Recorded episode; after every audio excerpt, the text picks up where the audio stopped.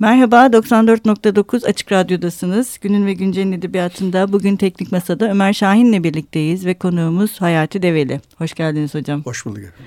Ee, Hayati Hoca e, İstanbul Üniversitesi'nde öğretim üyesi olarak görev yapıyor. Kendisiyle bugün Dede Korkut'u konuşacağız. Şimdi hocam ben kendim sizinle konuşacağız diye Dede Korkut'u okudum. Uzun yıllardır da Dede Korkut'u en son çocukken okumuştum herhalde. Ve çok şaşırdım. Yani çocukken okuduğumuz Dede Korkut'la şimdi okuduğum Dede Korkut arasında bir defa kitap beni büyüledi.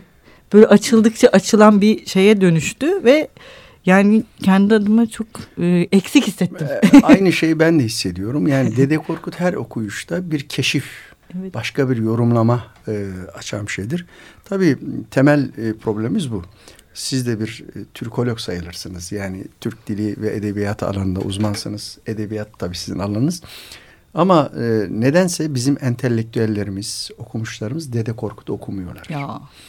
E, ben üniversiteye gelen öğrencilere soruyor, soruyorum. E, Dede Korkut'u baştan sona okuyan var mı?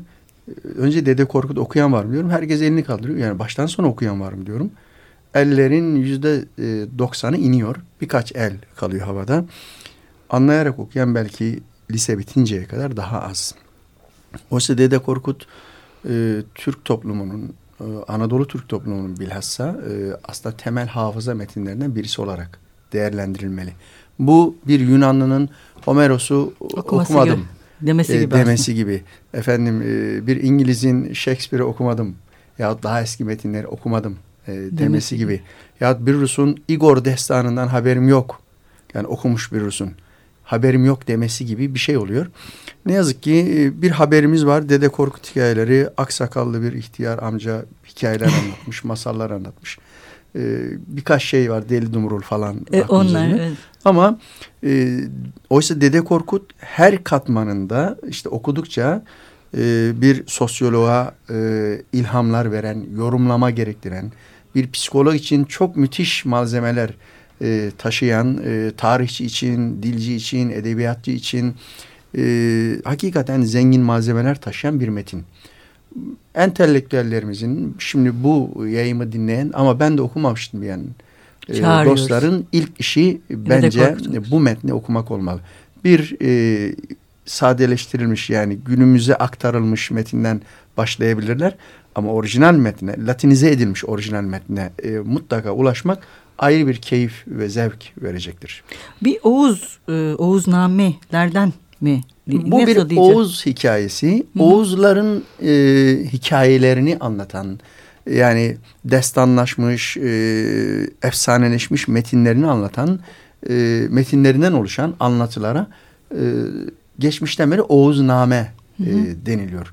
Bunlar Oğuz toplumunun çok eski tarihsel katmanlarının üst üste yığılmasından adeta oluşmuş metinler farklı zamanlarda teşekkül etmiş. Ama bu anlatıların e, Oğuz toplumu içerisinde sürdüğünü aslında bir kimlik aktarımı, hı hı. bir geçmiş tarih bilinci aktarımı e, olduğunu e, görüyoruz. Çok kadim metinler. E, yani metinlerin özelliğine bakıldığında mesela şu şu tip metinler evet mitolojik dönemin izleridir şu tip metinler daha tarihsel izler taşıyor. Şunlar baya bildiğimiz isimler de var e, diyebileceğimiz metinler var. Çünkü bu gibi metinler hep güncellene güncellene geliyor. Sözlü hmm. metinler hmm. halk hafızası, yaratıcı hafıza onları bir şekilde güne uyduruyor. Hani e, bizim bir Manas destanımız var Türklerin daha çok Kırgızlara ait tabii. Kırgızların en son e, Manas'ın en son e, işlerinden bir tanesi artık bir Marksist e, militan gibi işte efendime söyleyeyim Burjuva ile savaşır mesela. Güncellendiği için. Güncelliyor sürekli. yani onu o dönemi şeylerine şey, Epik tiyatro gibi aslında. Dede Korkut'ta da aynı e, hmm. güncellemeler var. Belli bir noktaya kadar tabii. E, sözlü anlatı gelebilmiş. E, yazıya geçtiği ne zaman geçtiğini tam bilmiyoruz. Ama ondan sonra bizde Oğuzname anlatıcılığı kesilmiş. Hmm. Adeta unutulmuş. Bunun sebebi nedir? Niçin Oğuznameler sözlü veya yazılı olarak daha geniş metinler halinde günümüze gelmedi? E, yorumlayabiliriz, bir şeyler söyleyebiliriz. Ama gelmediği de açık. E, elimizdeki bu Oğuzname işte Dede Korkut'un e, Dede Korkut hikayeleri diye kaydetmiş. Metin de böyle kaydetmiş. E, ama esasen e, hikayeyi e, Oğuzların hikayesi e, Dede Korkut lisanından diyor. Hı hı. Dede Korkut lisanından dediği Dede Korkut anlatıcı değil. E, Dede Korkut'un yaşadığı toplumun lisanından demek istiyor muhtemelen. Yani bu da işte Anadolu e, Türkçesidir. E, Anadolu'da konuşulan Türkçe ile bu hikayeler böyle geldi. Bir anlatıcı e, veya bir yazıcı bu anlatıları bir şekilde kaydetmiş. İyi ki de kaydetmiş. O e, günümüze kadar geldi. Yoksa kaybolup gidecekti. Hı hı. E, çünkü halk hafızasında e, bunun kaybolduğunu görüyoruz. Yok böyle bir anlatı, başka bir anlatı yok. Birkaç e, varyant, e, birkaç epizod böyle e, masala dönüşmüş evet. olarak var. Biraz e, Irak tarafına gidersek, e, Azerbaycan tarafına e, gidilirse belki oralarda anlatıların Hı. daha güçlü, Türkmenistan'a gidilirse daha güçlü olduğu görülür. Biraz daha yaşamış orada. Ama Anadolu'da bu e, kaybolmuş. Peki hocam bu e, tek bir nüsha mı var? Tek bir Oğuz e, Değil. yani Dede Korkut ee, nüshası. Dede Korkut'un e, iki nüshası var. Yazıya geçmiş iki nüshası var. Bunlardan ikisi de yurt dışında. E, bir tanesi Dresden'de e, Dresden nüshası diye geçer. Von Diez'in bulup ilk defa bilim alemine tanıttığı nüsha bu. Kendisi de onu bulunca bunun önemli bir anlatı metni olduğunu anlıyor. Hemen bir kopyasını hmm. çıkarıyor.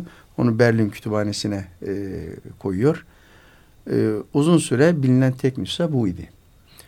1950 yılında e, Ettore Rossi isminde bir İtalyan Türkolog e, Vatikan'da bir nüshasını daha buldu. Vatikan Kütüphanesi'nde. E, bu da ikinci e, nüsha. Onun dışında bağımsız bir Dede Korkut nüshası günümüze kadar gelmedi. Tabi bunlar birbirinin birebir kopyası değil. Hı. Vatikan'daki daha az hikaye e, içeriyor. Altı kadardı sanırım. Toplam 12 hikaye. Vatikan'da 6 hikaye var. Ee, Vatikan nüshası biraz daha Anadolu Türkçesi. Yani bizim Anadolu'da konuştuğumuz Türkçe'ye yakındır dili. Ee, Dresden nüshası biraz daha Azerbaycan Türkçesi özelliklerini yoğun olarak taşır. Ee, bu ikisi de e, bir Oğuz grubu dili olduğu için e, hikayelerin oluştuğu dönemde elbette Aralarında çok büyük bir farklılık yoktu.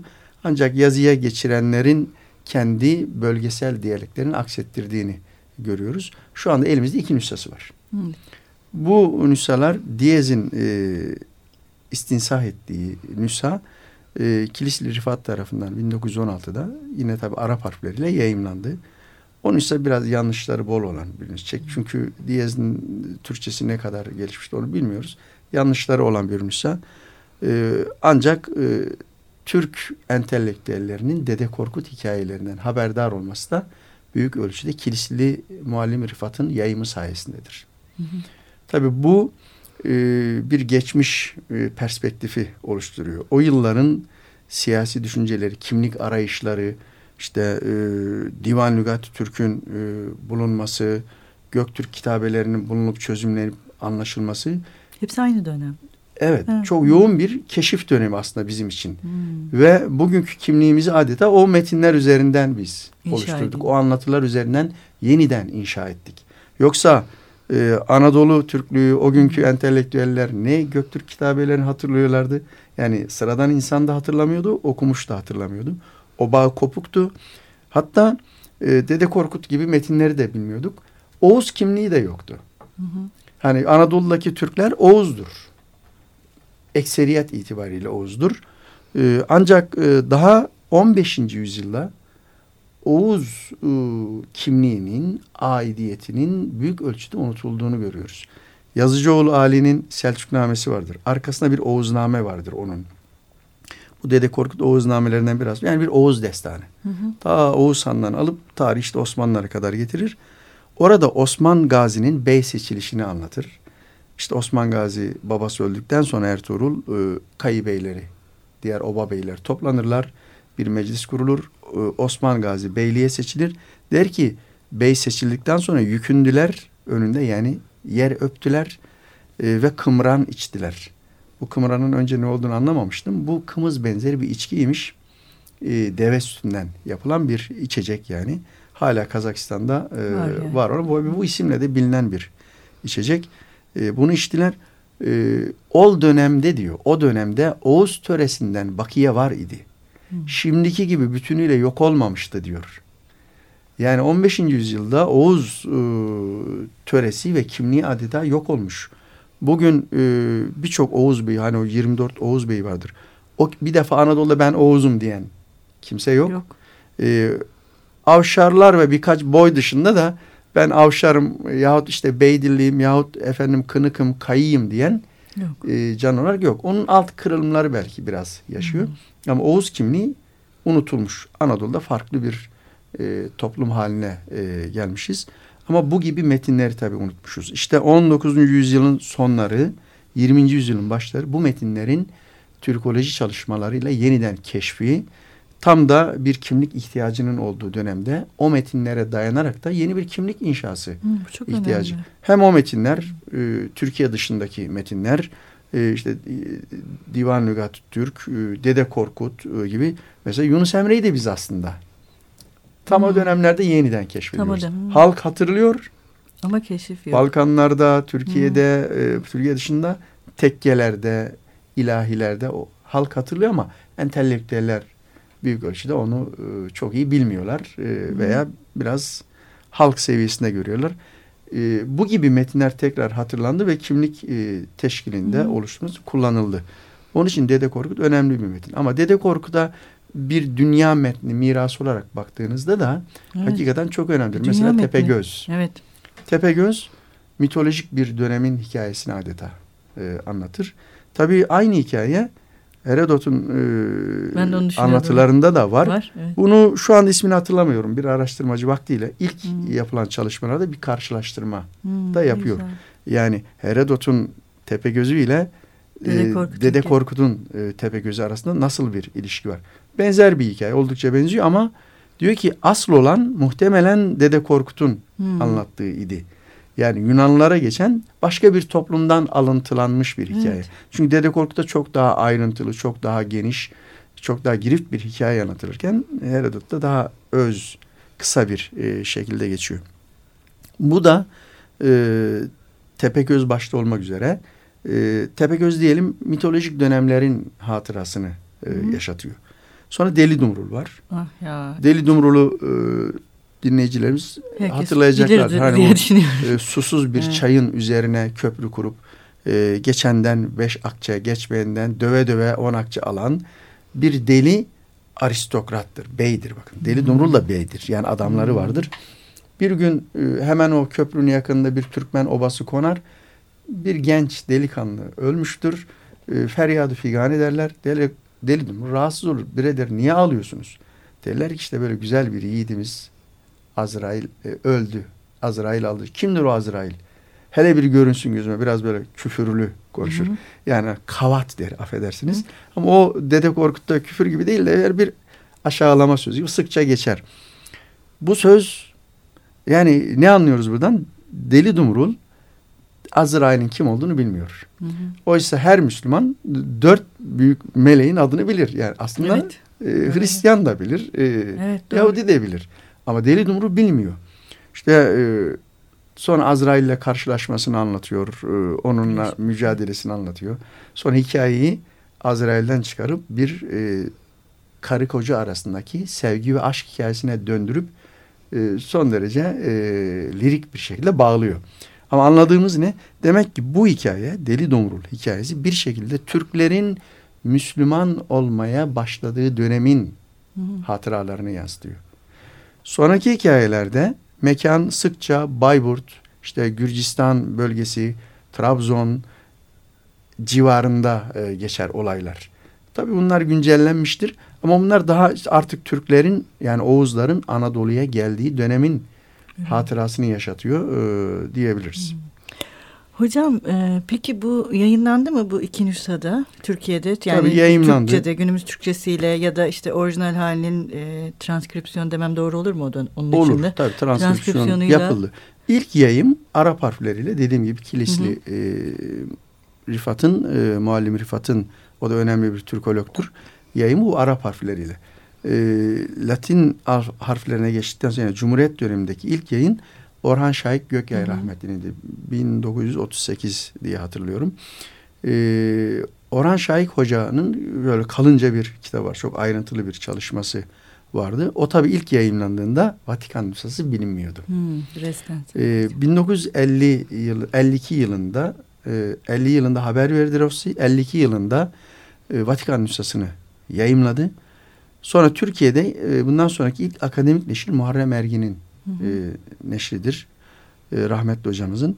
O e, Dresden nüshasını esas alıp Vatikan nüshasını e, dipnotlarda kullanarak bir e, bilimsel yayım e, gerçekleştirdi. Yani transkribe etti. Ondan sonra e, elbette çeşitli çeviriler hı hı. yani günümüz insanının anlayacağı dile çeviriler e, birçok oldu.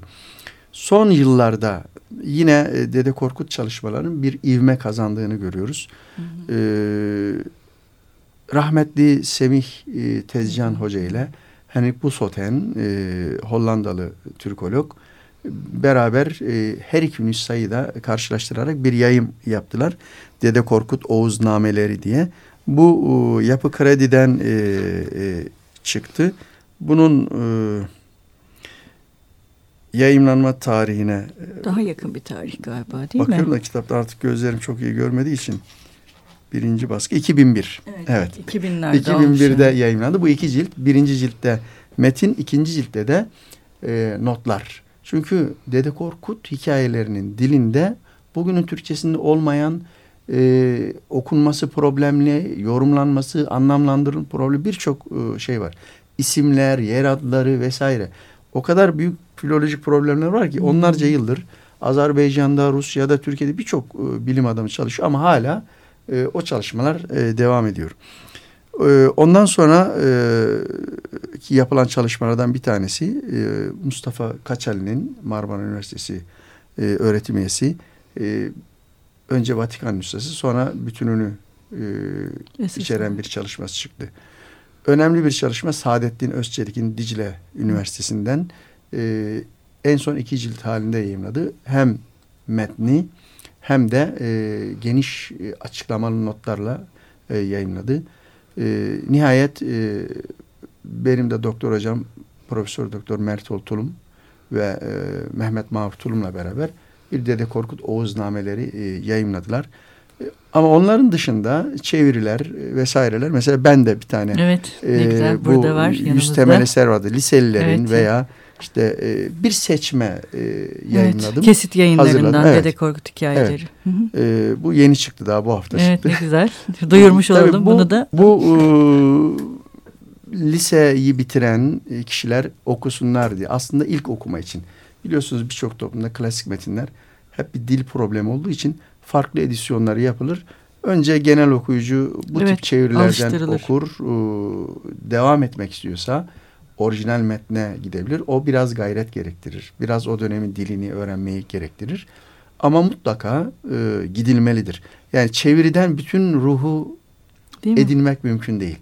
Mutlaka her entelektüelin o cehdi, o gayreti, o çabayı gösterip orijinal metne ulaşması e, lazım ki e, Dede Korkut'tan e, gerçek anlamda veya veya başka bir klasik metinden faydalanma imkanı olsun.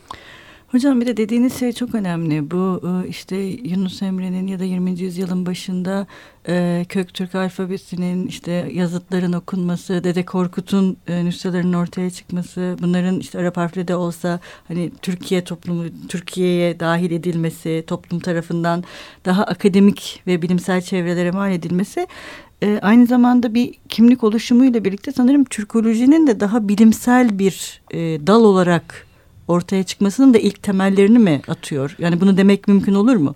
Tabii Türkolojinin temelleri aslında yurt dışında Değil mi? E, atılmıştır. Yani bir şarkiyat e, şubesi Hı-hı. gibi, dalı gibi düşünülür. E, Almanlar, Ruslar, dikkat çekecek derecede önemli Macar e, Türkolog, Finlandiyalılar, Danimarkalılar. Yani Batı aslında Doğu'yu öğrenmek için Hı-hı. yola çıkıyor. E, tabii doğuda karşı, yanlarındaki karşılanacak en önemli güç ve etkilerden bir tanesi Türk e, unsuru. e, Türkçe metinleri, Türk tarihini ke keşfetmeye başlıyorlar.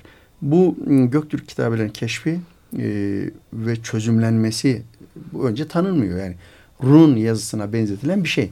Sonra bunun e, Türkçe olduğu anlaşılıyor. Hı. Çünkü o taşa yazılı kitaplar iki dillidir. Bir tarafı Çince, bir tarafı e, Türkçe. Türkçe olduğu işte sonra anlaşılıyor. E, bu şeyden anlaşılıyor ve çözümleniyor, yayınlanıyor Thomson ve Radloff e, tarafından. E,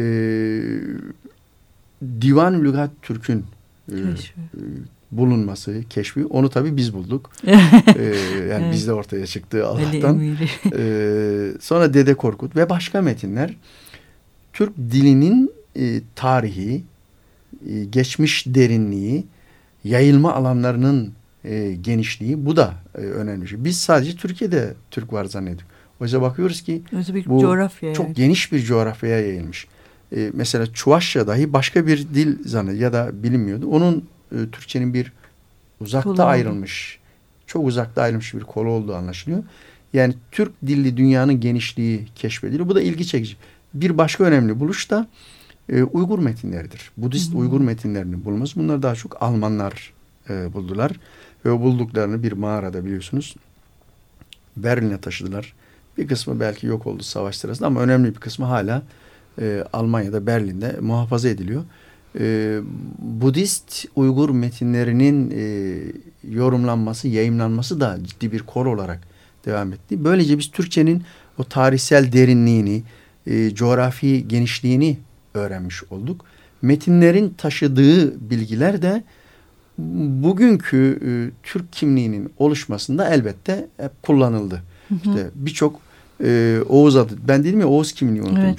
Ama arada böyle bir parlamalar var. Mesela e, Cem hmm. Sultan hmm. E, mecburen e, tahtı bırakıp e, kaçtığında diyelim e, Irak bölgesine gidiyor. Burada Oğuznamelerle tanışıyor. Irak'ta o e, dönemde yani 16. E, yüzyılın başları diyelim buna e, ciddi anlamda bir Oğuzname geleneği var. Cem Sultan'ın oğullarından bir tanesi adı Oğuz'dur. Hmm. Korkut adı vardır biliyorsunuz. Evet. Korkut, Şehzade Korkut vardır. Oğuz, Korkut gibi atlar hatırlanıyor bir süre daha. Hı hı. Ee, bu gelenek e, ama e, bir yere kadar e, gelebiliyor. İşte o metinlere dayanarak e, yeniden kimlik oluşturma, adlar e, bulma, e, o tarihi anlamlandırma e, Türkolojinin önemli katkıları olmuştur tabii. Atatürk'ün Cumhuriyeti kurduktan sonra oluşturduğu ilk e, kurum akademik kurum Türkiyat Enstitüsü'dür. 1924. 95 sene önce. Bu yıl 95. yılı. Yani Atatürk niçin Türkiyat'ı kuruyor?